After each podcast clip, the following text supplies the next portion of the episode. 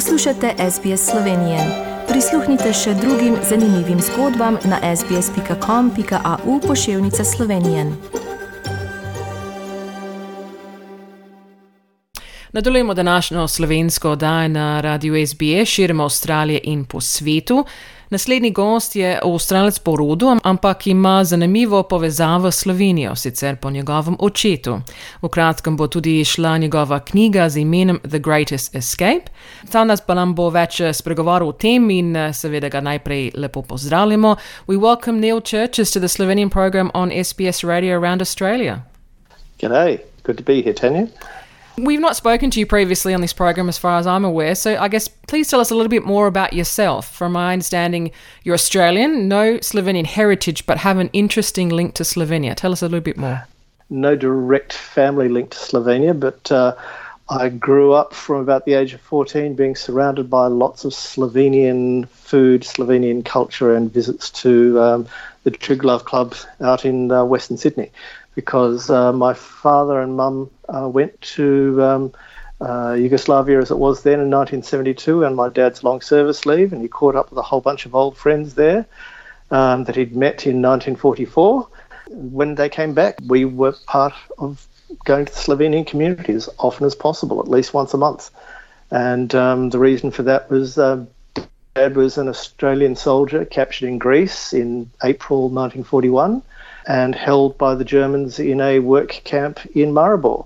After three years of trying to work out how to escape, he decided that the uh, partisans looked to be the best bet and found a way to get in contact with them and managed to slip away from the work party and got up to um, a town in the Pohorju and uh, got to the partisans, saw how organised they were, were, and asked them to come back and help him get everybody else out from the camp.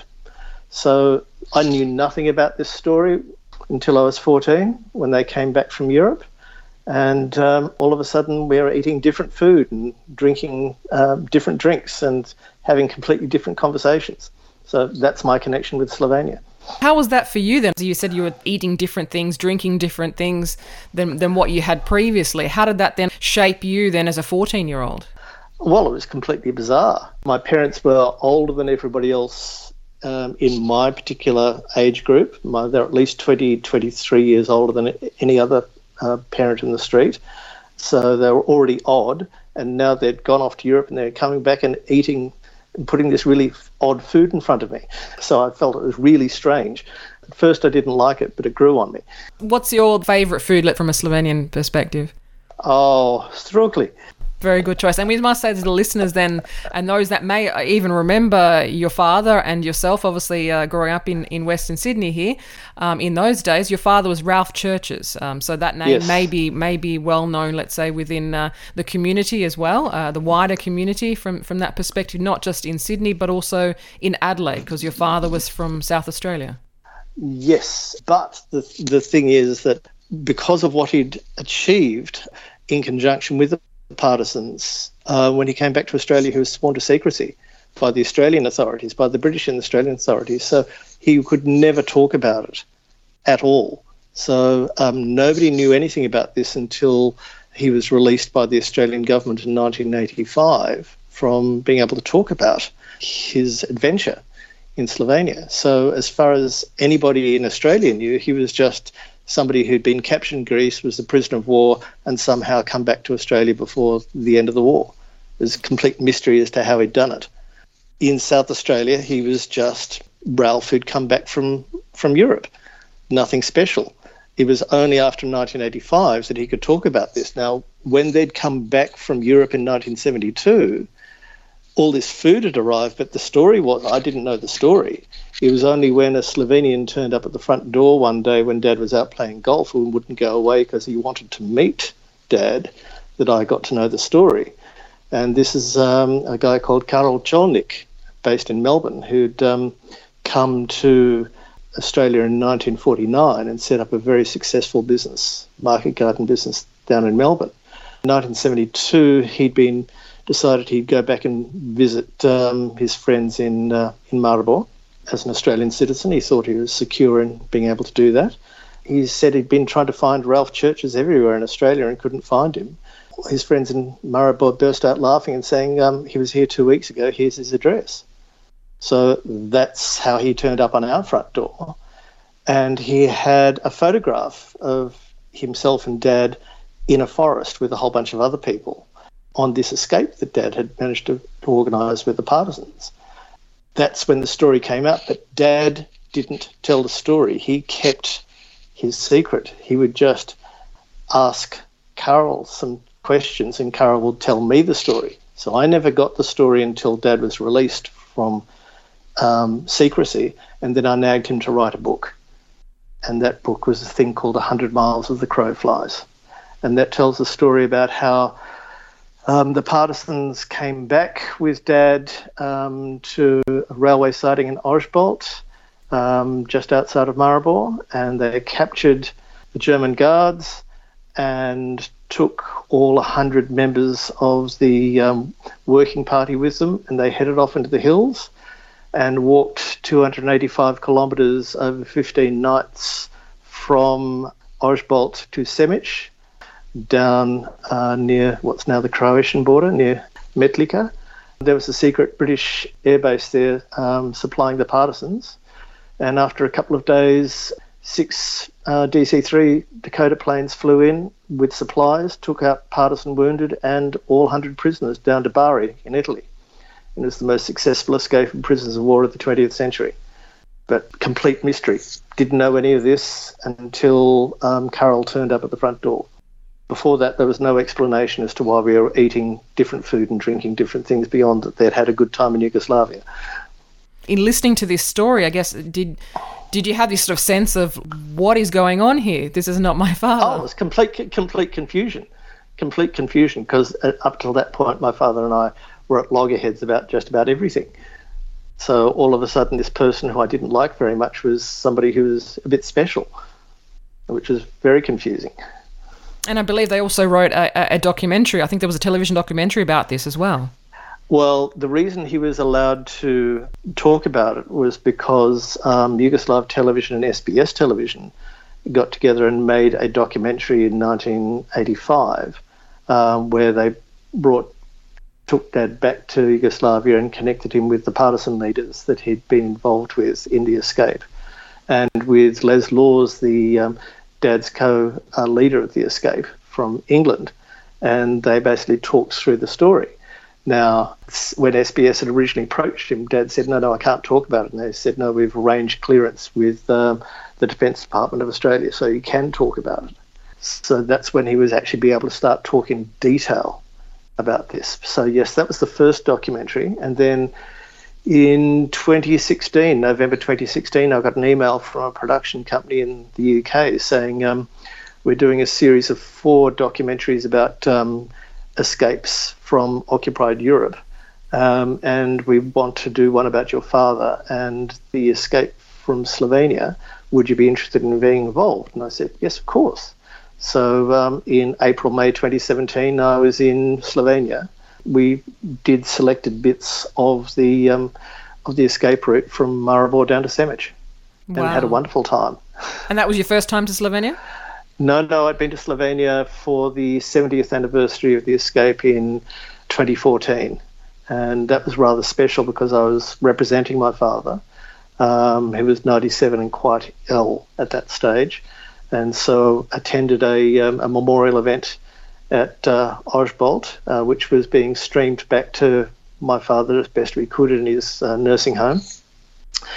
And I thought it was just going to be a simple thing, but um, it it was much much bigger than I expected. There was the the mayor of Lovrenc na Pohorju, there was the mayor of Maribor, there was a Slovenian National Army Honour Guard. There was the uh, Partisan Association Honour Guard. There was a brass band. There was a choir, and a group of about 200 people at this railway siding um, next to the Drava River. And it was just uh, far more than I expected, and really quite overwhelming. And I realised that um, then that this is a big deal to some people in Slovenia. So that was something that I was um, that really touched me. And uh, but I also that's when I had my first experience of Slovenian hospitality over about a period of about ten days, and I fell in love. And so you mentioned earlier about your, your father wrote the book A Hundred Miles as the Crow Flies. Now you are about to publish a book called The Greatest Escape. Yes, that's right. Well, I nagged Dad to write um, 100 Miles as the Crow Flies, to have a first hand account. And he struggled with it for about a year. He had lots of nightmares in the process. And he delivered a version, he was concerned still about security issues. So it's a very um, particular focus, uh, focused book around what actually happened. So at the beginning of lockdown in 2020, I decided a lockdown project would be to try and write a, a more detailed, researched version of what actually happened. And so I approached a publisher in the UK, Pan Macmillan, and they said they were very interested in producing this book, so they gave me a royalty advance and um, somebody who could um, co-write the book with me as my researcher. And we spent two years um, writing the book. And the original idea was just to find out exactly how accurate Dad's story had been. And the nice thing that came out of it is that um, probably uh, Dad's story as written was incredibly accurate. The only things that are not accurate are where he's uh, removed pieces from the story for security concerns. What, what was he understood to be security concerns in, in his head? Now, it's extraordinary that in the British records uh, and the Australian records, there are still some areas of this escape story that are considered top secret and not available for researchers to look at. And apparently won't be available for another 20 to 25 years, which is just crazy, but in my mind, but that's that's how it is the book gradually developed because I wanted to give a context um, for how the story uh, actually happened. So, um, what we've ended up with is this, the story of the British uh, and British Empire, British Commonwealth troops who were captured in Greece, and those that were held in Slovenia and southern Austria, and what their experience was. But also, I think we've produced the first English language general history of the uh, occupation of Slovenia by the Germans and the Italians and the resistance by the uh, Slovenian people against that occupation. That is a very, I think it's a compelling read, quite apart from my father's story research that's involved. You mentioned, uh, you know, you go across a number of countries. There's a lot of information, obviously, going back and forth. There might be some listeners here that lived through World War II. Everyone will have, obviously, their, their own version uh, of what they lived. Yes. What kind of research did you do and how deep did you go into that? Can be uh, obviously written, that's not in, in still in secret, to, to show that this is actually the true story of, of what happened. Well, I was very lucky in that um, the research that I found for the book is somebody who's got very strong contacts with Slovenia. He's young and uh, energetic and has uh, strong connections with Slovenia because um, he also fell in love with Slovenia about age 20, but he's got a very good historical research background. His name's Edmund Goldrick. So he's reasonably fluent in German, becoming fluent in speaking Slovenian, but is, is quite good at reading, reading Slovenian. And I introduced him to a number of people that I had met in Slovenia who had contacts um, with the various partisan organisations. He got in contact with a range of people in the history faculties in Slovenian academic um, research. Um, he also did a lot of research in the um, Imperial War Museum in London and in the National Archives in London and then in the National Archives and Australian War Memorial in Canberra and also in the New Zealand Archives. So, um, as well as the archives in Graz in Austria. So, um, yes, we've done a lot of hard work through the official documents, but we've also got an awful lot of correspondence between my father and lots of people in Slovenia um, over the years because Dad visited Slovenia uh, five times between 1972 and 2000. Um, he corresponded for about 20 years with a number of people in Slovenia. And we've also um, corresponded with a lot of other members of the Escape Party, as well as with people in Slovenia who have um, slightly different opinions about some of the history that we've researched. We've tried to be as balanced as possible about what the story was and going on both anecdotal evidence but then trying to find um, exact documentation. So it sounds like a, quite a lot of research involved, very extensive uh, to be able to write this book. Are you a writer by background? Is this the first sort of project you've done of this size? This is the first big project of this size I've done, which is why the um, uh, the publishers were keen for me to have a co-writer uh, researcher. And um, so it's been a very interesting um, dance between Edmund and I, between me having a vision of what I want the book to be, and he's saying, No, this is the research we've got, it doesn't match that. And I said, No, go dig deeper. Because I end up breaking the stories this, go, but go and dig deeper. And um, there's been a couple of points where um, some major breakthroughs have occurred because um, he's found something in a spot where I've said, I'm sure there's something there, I don't know what it is, but just doesn't feel right yet and he's gone and dug some more, and we found in this process that um, there was a very large involvement between um, the Special Operations Executive um, and the OSS, uh, the American version of the uh, precursor of the CIA, that's the equivalent of the SOE, and MI6 and MI9 in this whole story. That on one level, Dad's Escape is like a trial run by these organisations to work with the partisans to try and get more prisoners out en masse. But everything actually um, fell apart um, in terms of the relationship between the SOE and MI6 and the partisans at just the wrong time. And so that opportunity was missed, so that Dad's trial run was the only one that actually happened. Wow, so it sounds like an interesting read. As uh, we say, it's it's being launched on the 26th of May in the UK, in, I understand. In the UK, yes, and the 31st of May here in Australia and in New Zealand. So, how can one uh, get a copy of this uh, book called The Greatest Escape? Well, um, Pan Macmillan Australia assures me it will be available in all bookstores. Um, it'll be available online in any of your online bookstores. It's available as a hardback, a Kindle, or as, a, as an audiobook. Wow, audiobook as well. Wow. Yes.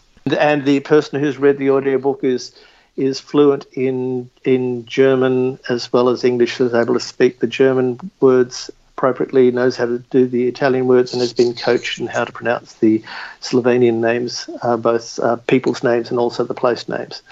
Wow. And and do you speak any Slovenian along this? Uh... Oh, very, very little, I think. uh, uh, once I've been in Slovenia for a few days, I can follow a conversation and I can, you know, get get by with um, being able to say uh, jutro, all that sort of stuff. But, you know, beyond that, it's, it's something that is on my list to get more fluent at. But um, um, I've had a book to get out of the way first.